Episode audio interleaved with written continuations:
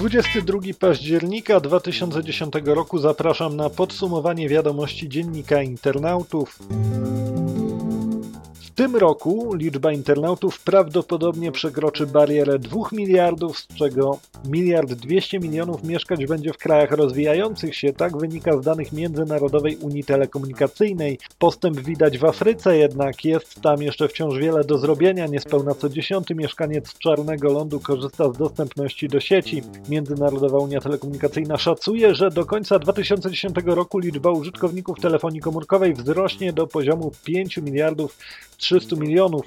90% populacji ma już dostęp do telefonu komórkowego, w tym 80% na obszarach wiejskich. Skończy się nękanie SMS-ami lub telefonami. Na 3 lata trafi do więzienia osoba, która kogoś uporczywie śledzi. Według planów Ministerstwa Sprawiedliwości osoba, która dopuści się tzw. Tak przemocy emocjonalnej, trafi do więzienia nawet na 3 lata. W przypadku, gdy poszkodowany będzie próbował popełnić samobójstwo, stalker zostanie pozbawiony wolności nawet na 10 lat. Wyniki przeprowadzonych przez Ministerstwo Sprawiedliwości badań wykazały, że w naszym kraju ofiarą tzw. Tak stalkingu jest co dziesiąta osoba osoba. Ciekawy wyrok wydał wczoraj Europejski Trybunał Sprawiedliwości. Dotyczył on opłat rekompensacyjnych, które są doliczane do cen kopiarek, nagrywarek i czystych nośników. Płacimy je wszyscy i nierzadko są one nazywane podatkiem od piractwa. Trybunał uznał, że nie ma podstaw do odprowadzania tych opłat, jeśli urządzenia lub nośniki trafiły do firm lub instytucji, a nie do osób fizycznych. Opłaty doliczane do nośników mają bowiem stanowić rekompensatę za kopiowanie prywatne. Trybunał uznał, że nie jest zgodne z dyrektywą stosowanie opłaty licencyjnej w odniesieniu do wszystkich rodzajów sprzętu czy nośników.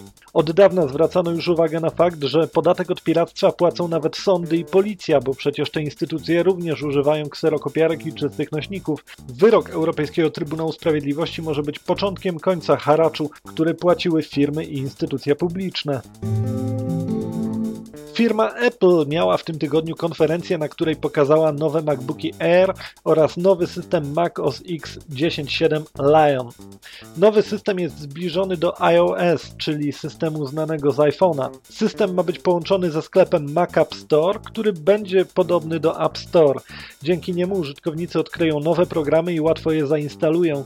W systemie pojawi się także opcja Launchpad. Z kolei nowa linia MacBooków R przypomina netbooki, ale z silnymi procesorami. Komputery są bardzo cienkie, w najgrubszym miejscu mają nieco ponad 17 mm, a w najcieńszym prawie 3 mm.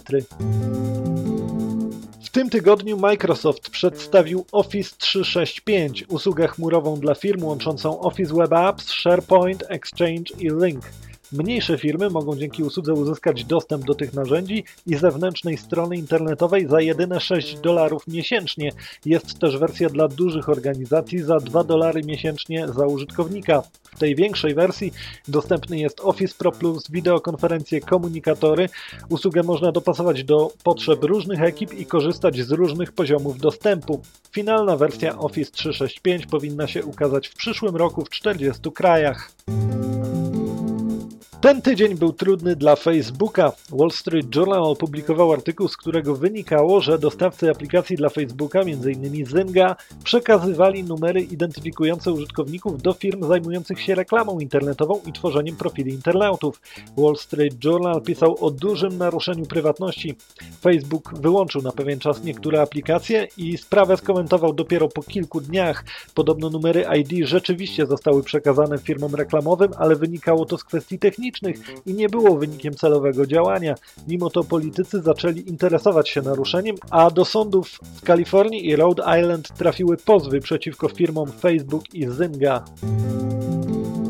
Nowe problemy ma założyciel serwisu Wikileaks. Po pierwsze, przekazywanie darowizn dla strony wikileaks.org zostało zablokowane przez firmę Moneybooker. Stwierdzi ona, że Wikileaks znajduje się na czarnej liście rządu USA i na liście obserwacyjnej Australii. Nie wiadomo tylko o jakie listy chodzi. Osobnym problemem dla Juliana Assange jest decyzja szwedzkiego urzędu imigracyjnego, który odrzucił jego wniosek o pozwolenie na pobyt stały w Szwecji. Prawnik Juliana Assange mówi o istnym cyrku. Jego klientowi najpierw postawiono zarzut gwałtu, potem go wycofano, potem znów go postawiono. Śledztwo jest w toku, a jak dotąd Assange był przesłuchiwany tylko raz w sprawie molestowania. John Graham Cumming chce zbudować komputer z takich części mechanicznych jak koła zębate, przekładnie, linki itd. Tak Programista chce to zrobić w oparciu o projekt Charlesa Babbage'a, żyjącego w XIX wieku matematyka, który wymyślił urządzenie mechaniczne będące pierwszym programowalnym komputerem. Więcej na ten temat można przeczytać w Dzienniku Internautów, a w wydaniu audio to już wszystko. Czytaj Dziennik Internautów www.d24.pl